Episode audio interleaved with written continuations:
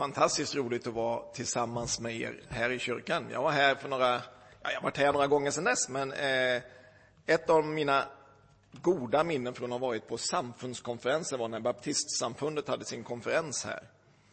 Eh, jag har väldigt goda minnen om det. Då var det eh, en musikal med Ingmar Olsson, tror jag. Eh, hans nattvardsmusikal, den satte djupa spår i mig. Jag tyckte den var helt fantastisk. Jag heter alltså Thomas Arvidsson, som ni förstår här, baptistisk bakgrund eftersom jag var på baptistisk konferens. Nu är jag en sån här ekumeniakyrking eller vad de nu heter för någonting, de här som är med i det här nya samfundet. Det känns väldigt roligt. Jag är från Mariefred. Vi ska se om vi kan få en bild på Mariefred och på vårt vackra slott. Ska vi se, jag kan få bläddra själv här, ska vi se.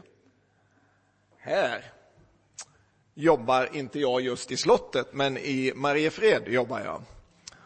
Och eh, vi har någonting som heter Munkhagskyrkan i Mariefred.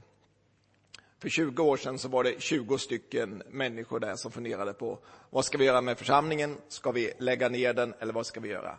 Nej, vi tar en eh, tioårsplan och så börjar de jobba efter det och så har de jobbat vidare och så har jag fått vara med några år nu och eh, nu börjar vi närma oss 100 i församlingen så vi har sett en rejäl tillväxt i församlingen som är rolig. Jag jobbar 75 procent i Munkagskyrkan i Mariefred som pastor. Eh, så jobbar jag 25 procent med beachvolleyboll också. Jag är en av de få beachvolleyproffsen i Sverige. Eh, inte för att jag är duktig på beachvolleyboll, men eh, vi håller på att starta en församling bland beachvolleybollspelare. Eh, ja, får se om tiden rinner till i predikan kommer jag berätta lite mer om mina beachvolleyboll-äventyr. Eh, men jag brinner för människor som inte känner Jesus. Och i beachvolleyvärlden finns det väldigt många som inte känner Jesus, precis som det finns i Nyköping och på andra orter. Hörrni, det är ju palmsöndag idag. Ehm, vi hörde det när vi var tillsammans med barnen och vi har fått eh, jubla i lovsången. Jag tror att berättelsen är ganska bekant för de flesta av er, hur, hur Jesus kommer mot Jerusalem och han skickar iväg några lärjungar för att, och hämta en åsna och de ska bara gå fram där och så ska de ta åsnan. Om någon frågar något ska de bara säga att Herren behöver den. Han lämnar tillbaks den sen och då ska det vara grönt och de får ta den och så får de eh, gå iväg. Och så lägger de upp mantlar på åsnan och så får Jesus eh, rida in i Jerusalem och folk de tar då palmblad och lägger på marken. Det är därför det är palmsöndag. Va? Och så lägger de mantlar på vägen och så ropar de. Vad ropar de för något? Hosianna, det var ganska lätt, jag hade ju hjälpt er. Sa de någonting mer? Hosianna, Davids son. Ja, välsigna var han som kom i Herrens namn, är det så? Så brukar vi sjunga på första advent också. Så den här dagen texter läser vi två gånger om året faktiskt.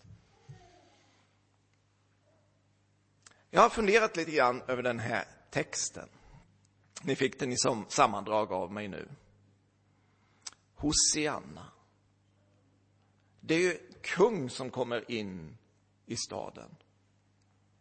Och när vi har haft, eh, vi har haft skolbarn på besök hos oss, jag vet inte om ni har det hos er här, men de har varit på påskvandring hos oss. De fick inte vandra så mycket, det var mest vi som vandrade. Vi hade lite skådespel för dem. Så berättade vi lite grann för barnen att ja, Jesus han är kung, men han är ju ingen vanlig kung. Nej. Utan han, hans rike är på ett annorlunda sätt.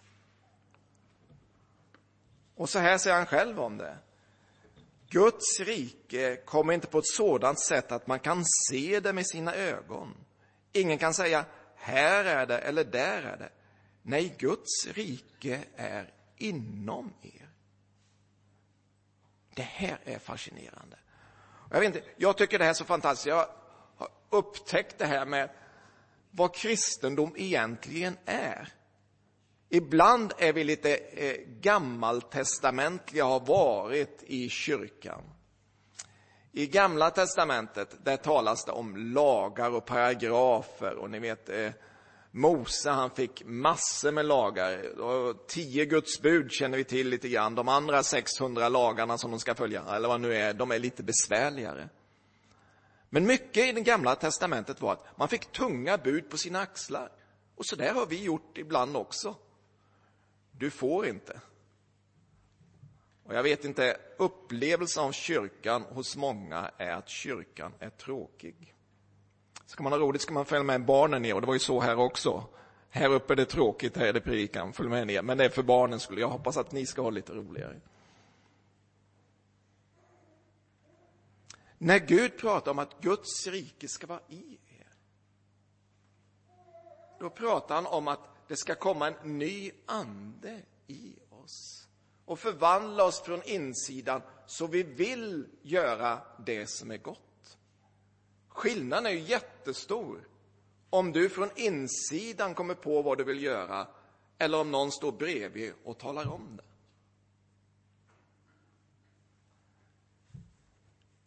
Jag vet inte om ni känner till, tonårsflickor kan vara lite besvärliga ibland. Jag har bara fyra pojkar så jag är välsignad från den eh, eh prövningen.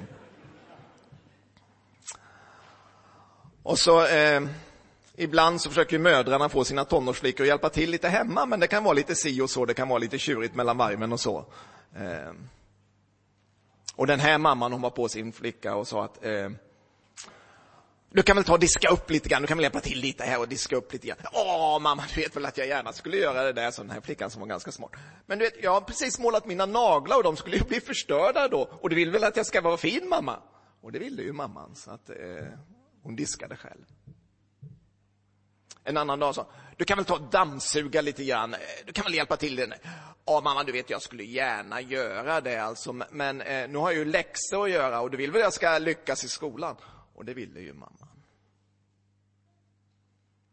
En annan gång sa hon till eh, flickan att eh, du skulle inte kunna eh, kila ner till affären och handla lite mjölk? Eh, vi har slut på mjölken. Det vore fint så har vi det till kvällen.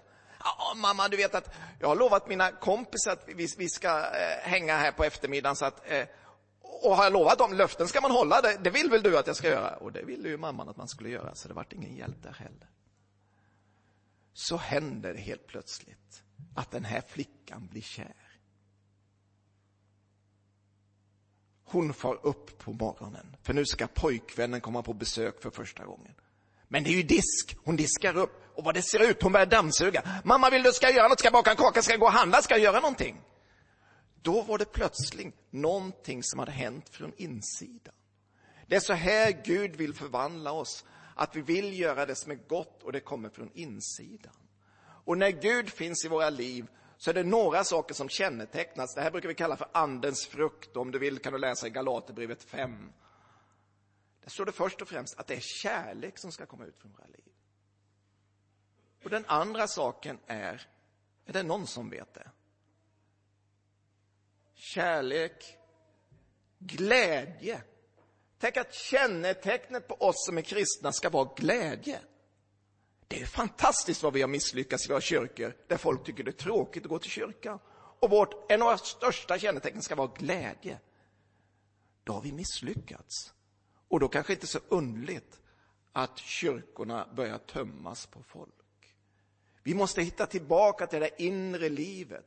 Guds rike är inom oss. Han vill fylla oss med kärlek, med glädje, med den här sinnesron, friden och freden och allt det andra goda. Drivkraften kommer där inne. Jesus säger att det är bra att jag går bort för då ska jag sända en annan hjälpare till er. Den heliga ande som bor i oss. Och där finns Guds kärlek utgjuten i våra hjärtan genom den heliga ande.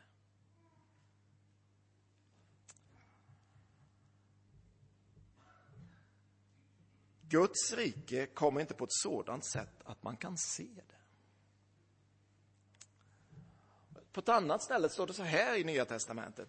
Ty denna världens Gud har förblindat förståndet hos dem som inte tror, så att de inte ser ljuset från evangelien om härligheten hos Kristus, Guds avbild.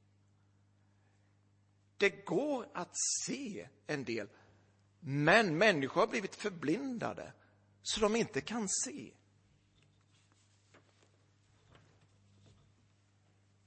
Däremot säger Jesus när han träffar Nikodemus, Johannes 3. Sannerligen, jag säger dig, den som inte blir född på nytt kan inte se Guds rike. Och Paulus talar i Fesebrevet om må han ge ert inre öga ljus så att ni kan se vilket hopp han har kallat oss till. Gud vill öppna våra inre ögon så att vi också kan se den verklighet vi lever i och avslöja den. Ibland är det som att vi också har blivit förblindade. Vi ser inte klart. Vi bekymrar oss ibland för hur världen ser ut och att människor är fattiga och man, människor svälter. Och ibland brottas vi med frågan, eh, hur kan Gud tillåta det här? Och så sitter vi på rikedomen. Och vi försöker hela tiden få mer pengar. Vi röstar på att välfärden ska öka. De här partierna som talar om att en utjämning ska ske, de är inte så populära. Jag tror att det är en utmaning från Gud. Jag såg en undersökning som jag har talas om här, att tjänar man ungefär 18 000 kronor i månaden, då tillhör man 1 procent av de allra rikaste i världen. Och de flesta av oss som har jobb, vi kommer upp i den summan. Och en del många gånger om. Vi har ett ansvar att dela med oss. Men det är som att vi är förblindade. Vi bara ser vår egen värld. Min pappa han läste Det bästa. Jag vet inte om någon av er läser Det bästa. Han sa att i en artikel i Det bästa, det här är säkert jättelänge sedan. Tänk om det kom någon från en främmande eh, planet till oss och sa att ni skulle få en gåva. Det innebär att ni kan flytta er jättesnabbt. Men vi kräver, jag tror det i den här artikeln var, hundra liv om året. Men då ska ni få den här fina grejen så ni kan förflytta er. Men hundra liv kostar det. Och jag tror inte att vi skulle gått med på det.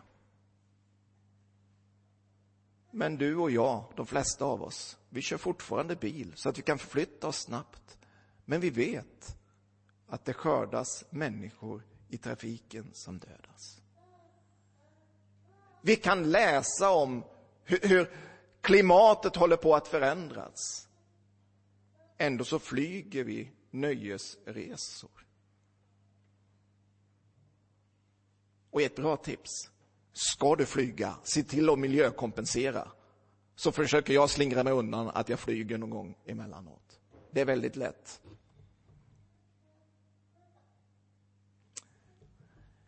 Men vi är inte bara förblindade på det här området.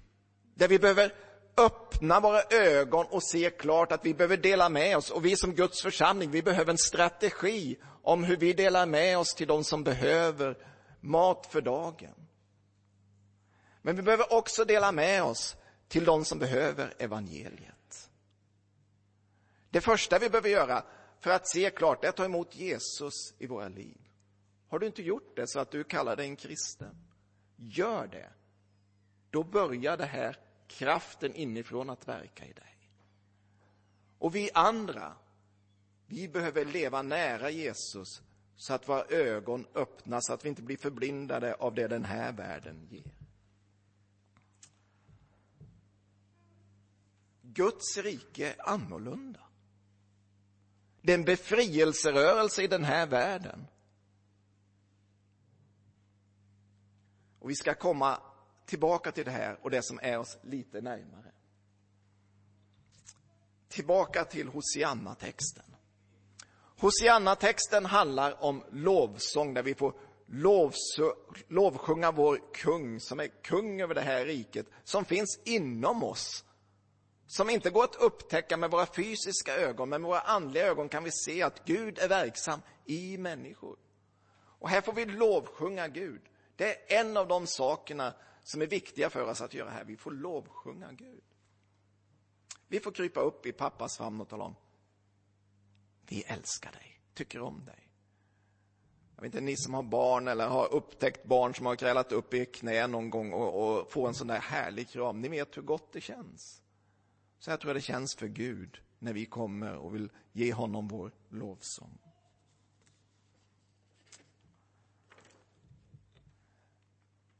Men jag tror att lovsången till Gud är på olika sätt också. Min fader förhärligas när ni, be, när ni bär rik frukt och blir mina lärjungar. Vi får förhärliga Gud genom att bära frukt och bli hans lärjungar. Och hur blir vi det? Jag tror att vår uppgift, nu, är jag sådär svepande, totala svaret på allting. Vad ska vi göra i den här världen? Jo, vi ska göra tre saker. Vi ska lovsjunga Gud. Vi ska se till att förverkliga Guds rike, det vill säga sprida kärlek runt omkring, visa vad det verkligen är. Någon har sagt att vi ska vara som sådana här trailers för himlen. När de ser oss ska de se en trailer om hur det kan bli i himlen. Jag vet inte om man ser det hos er när man kommer in i gemenskapen här, men en del ser det och vill gärna vara med i den här gemenskapen, för här får man en försmak av himlen. Och det tredje är att vi ska gå ut med evangeliet till människor och berätta för dem om Guds rike, att det kan bli synligt för dem och att det finns en evighet som väntar.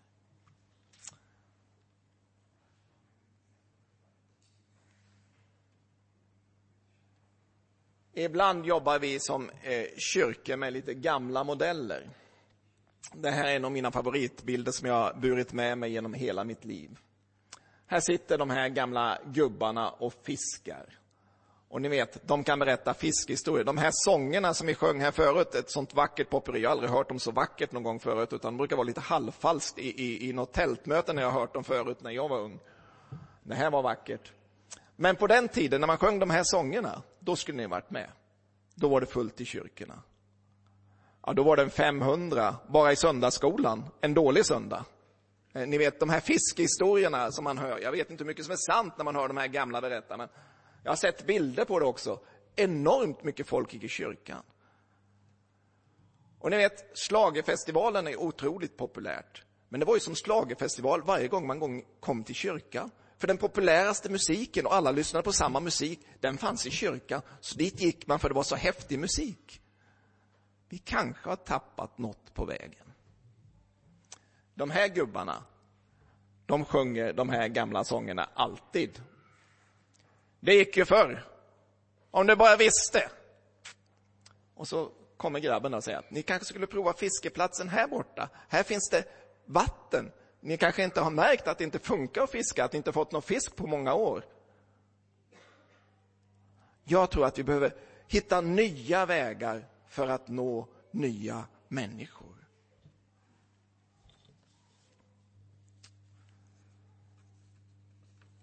Det kan vara ganska frostigt i Sverige och nu ska jag öppna dina ögon kanske om du inte har sett de här siffrorna förut. Så här många färre finns det i frikyrkan nu, 2010 jämfört med år 2000. Vi har minskat med över 20 000 medlemmar i frikyrkan. Och tappet hos Svenska kyrkan, när man räknar på ett annorlunda sätt, är minst lika stort.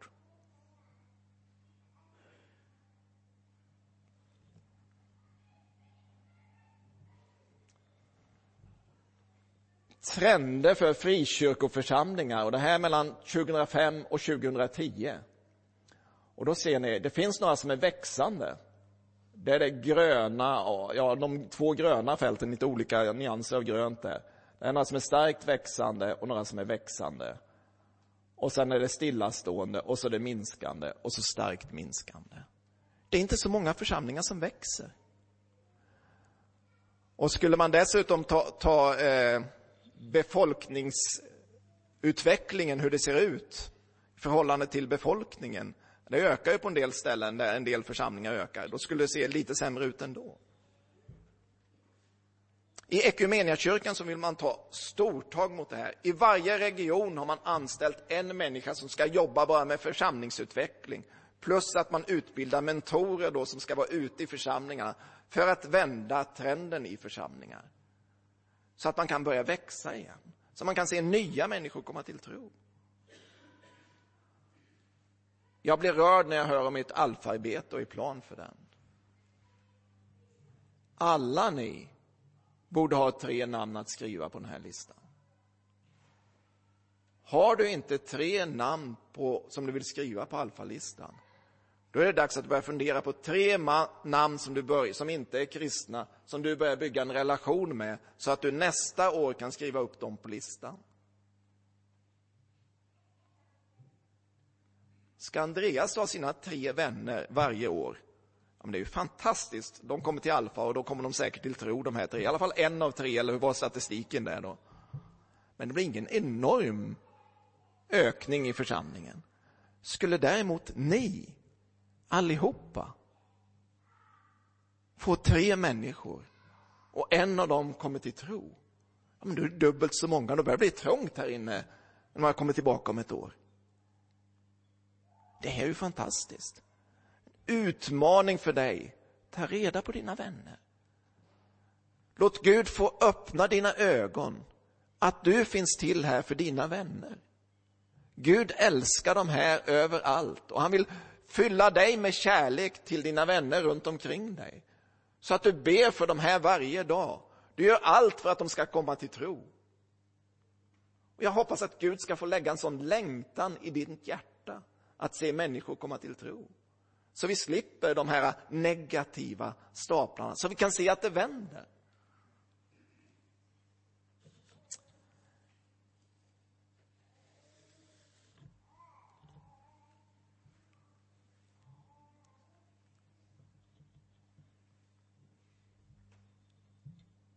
Nästan 500 församlingar mindre på en tioårsperiod, mellan 20 och 2010. Man har lagt ner en församling i veckan under tio år. Man startar några stycken nya, men inte alls i det tempot som man lägger ner de gamla. Och en del av de här gamla, det är dags att lägga ner. Eller man ska gå samman någonstans som ni har gjort här eller som vi har gjort i Mariefred och så vidare. Men vi behöver också vara med och starta nya församlingar dit folket flyttar. För folket flyttar till städerna. Och här måste vi vara med och se Sörmland. Man räknar med att det finns 1,7 procent av Sörmlands befolkning är frikyrkliga. 1,7 procent. Det finns några kvar som vi behöver nå, Hörrni.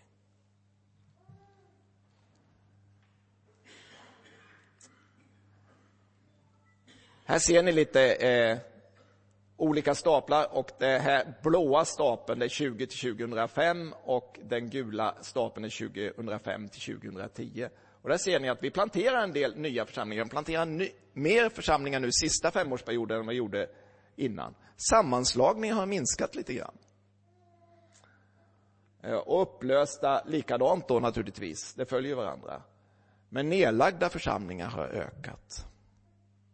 Och när jag jobbade i baptistsamfundet, vilket jag gjorde centralt ett tag, jag var ansvarig för sånt här pionjärarbete. Då la vi ner tio församlingar på ett år. Det var ungefär vad jag presterade när jag försökte starta nya församlingar.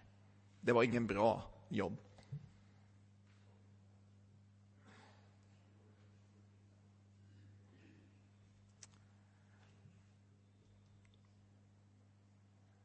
Det här är lite gamla siffror, men jag vill nämna er för det. I den här perioden som är några år på nacken nu, va? Men där ser man att IFKs 8 procent av de nystartade församlingarna stod för en fjärdedel av IFKs dop år 2003. Och de döpte ungefär lika mycket som vi gjorde i baptistsamfundet på den tiden. Jag tror att de här siffrorna ligger kvar lite grann, men jag har inte aktuella siffror på det. Det visar att nya församlingar så når man nya människor. Nya församlingar växer. Det är jättestor skillnad. Jag åker runt till församlingar och pratar med dem och säger att ah, nu är vi bara tio kvar. När jag jobbar med Beat Church, som är en nysatsning, skulle vi vara tio personer och skulle vara jublande glada, det vore nästan rekord för oss. Så många har ju nästan inte varit samtidigt någon gång. Det är jättestor skillnad mellan att vara de tio sista eller de tio första. Det är fortfarande lika många människor, men det sitter någonstans på insidan. Det är de här ögonen som behöver ljus för att kunna se klart vad Gud kan göra genom oss.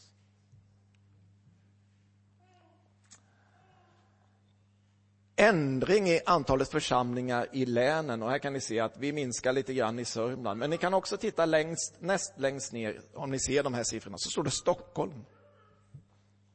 Här finns det fler församlingar. 2010 än vad det fanns 2005. Och man har också ökat eh, medlemsmässigt. Det finns fler människor som har kommit till tro i Stockholm. Ja, så kommer någon glädjedödare och säger, ja, men hur är det med befolkningstillväxten? Har flyttat in en massa folk i Stockholm? Ja, räknar man med befolkningstillväxten också, då blir det minus där också. Men det gör vi inte idag. Eh, I Stockholm så är det fler troende 2010 än 2005. Och det är fler församlingar som har startat. Och det här är ett trendbrott. Och i alla våra samfund, också kyrkan, så vill man med och satsa på nya församlingar för man ser att det här ger verkligen resultat. Många av de här nya församlingarna, de växer upp. Och många av de här församlingarna är också människor som kommer som har andra språk, som startar nya församlingar. Och där växer det starkt. Ni vet, vi är väl ungefär 9 miljoner svenskar idag och en miljon av de här eh, har utländsk härkomst, säger de ungefär. Så det är rätt så många. Eh. Hur är det med er? Är ni med och jobbar med församlingsplantering? Annars är det här en jätteutmaning för er. Det här är nytt och svårt. Jag vet inte om jag skulle bli jätteglad om någon öppnade en ny församling på Munkhagsgatan. En gång i tiden var vi tre församlingar där, nu har vi gått samman till en. Men jag vet att vi är hundra stycken, vi kanske har 500 betjänade om vi räknar riktigt bra. Och så kanske det finns 6 000 människor. Ja, men det finns ju plats för en församling till, trots att några går till Svenska kyrkan. Då. Och likadant i Nyköping skulle behövas många nya församlingar. Kanske inte som ser precis likadan ut som er församling, men andra församlingar som når nya människor. Jag sa tidigare att när kyrkan var ung, ja, när vi, de här väckelsesäsongerna, då lyssnade man på samma musik i Sverige. Och man levde ganska tätt, det var ungefär samma, man hade, när tv kom så småningom så var det en kanal. Alla tittade på samma program, Hyllans hörna. Man kunde prata om, alla hade tittat på Hyllans hörna. Men idag, ja, alla lyssnar på sin egen musik. Hörlurar. Ja, man kan ha sin egen tv-kanal. Det finns ju hur många som helst om man har någon eh, parabol som kan plocka in lite grann. Det är sån skillnad på människor idag, hur man lever. Därför behöver vi olika församlingar som når olika människor. Visst vore det fantastiskt om vi hade en församling som alla kunde komma till. Det är det vi har jobbat efter i så många år och det har inte fungerat så där väldigt bra. Så därför behöver vi många olika församlingar, många olika typer som kan nå många nya människor. Och utmaningen för er, det är att vara med i det här. Stötta arbetet i bön åtminstone. Det har vi börjat med i munkakskyrkan, i vår lilla församling. När vi började prata om det här, då var det ingen som ville vara med på det här. Nej, men vi har ju nog, det förstår du ju Thomas. Vi, vi är ju, vi är ju inte hundra en gång. Och vi orkar inte med vårt eget arbete. Skulle vi gå utanför och kunna vara med någon annans? Nej, det begriper du att det går inte. Ja, men vi kan väl börja be för dem, det kan vi väl göra? Ja, be kan vi väl alltid göra då. Ah, de var inte så negativa, jag ska inte driva med dem. Be gör vi gärna, sa de. Ja. Och det är kanske ett första steg. Att börja be för de här pionjära församlingarna, om ni inte har något eget arbete som ni vill vara med i. Börja där. Kanske det är några av er som har en kallelse att flytta strategiskt. Nu får jag Andreas på mig om ni ska köra iväg någonstans. Han vill ha er här. Nej, jag tror att han är generös på det här. Kanske du ska flytta strategiskt. Vi är moderförsamling för någonting i Nykvarn. Och här funderar vi på, hur ska vi börja göra här? Vi har pratat med de som är kristna i Nykvarn. De allra flesta som är kristna där tillhör en församling i Södertälje och säger att Amen, vi har det så bra i vår församling i Södertälje. Det är så nära att åka in. Varför skulle vi vara med i en ny församling? Det fattar vi inte riktigt. Vi kan väl eh, samlas allihopa någon gång nu och då och sjunga lite utanför Konsum. Det är väl jättebra. Vi behöver människor som har fått sina ögon öppnade. Som ser människorna utanför, som behöver nås av evangeliet. Jag önskar att Gud skulle öppna era ögon så att ni ser alla människor som är onådda Och ni ser också de vägar som finns till de här människorna.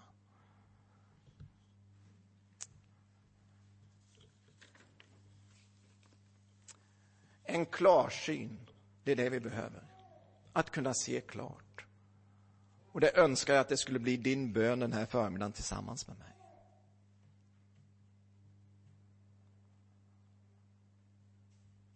En av sändebreven i Uppenbarelseboken så, så skrivs det till dem och säger att Ja, du tror att du är rik. Men du vet inte att just du är fattig. Att du är blind och naken. Och så står det i det här sammanhanget. Kom till mig och skaffa salva för dina ögon så att dina ögon kan öppnas. Och jag önskar att vi fick tag på den där salvan för våra inre ögon så Gud kunde öppna våra ögon. Så vi får en nöd för världen utanför. Vi får en nöd för människor som lider utöver vår värld och är beredda att öppna vår plånbok för att dela med oss.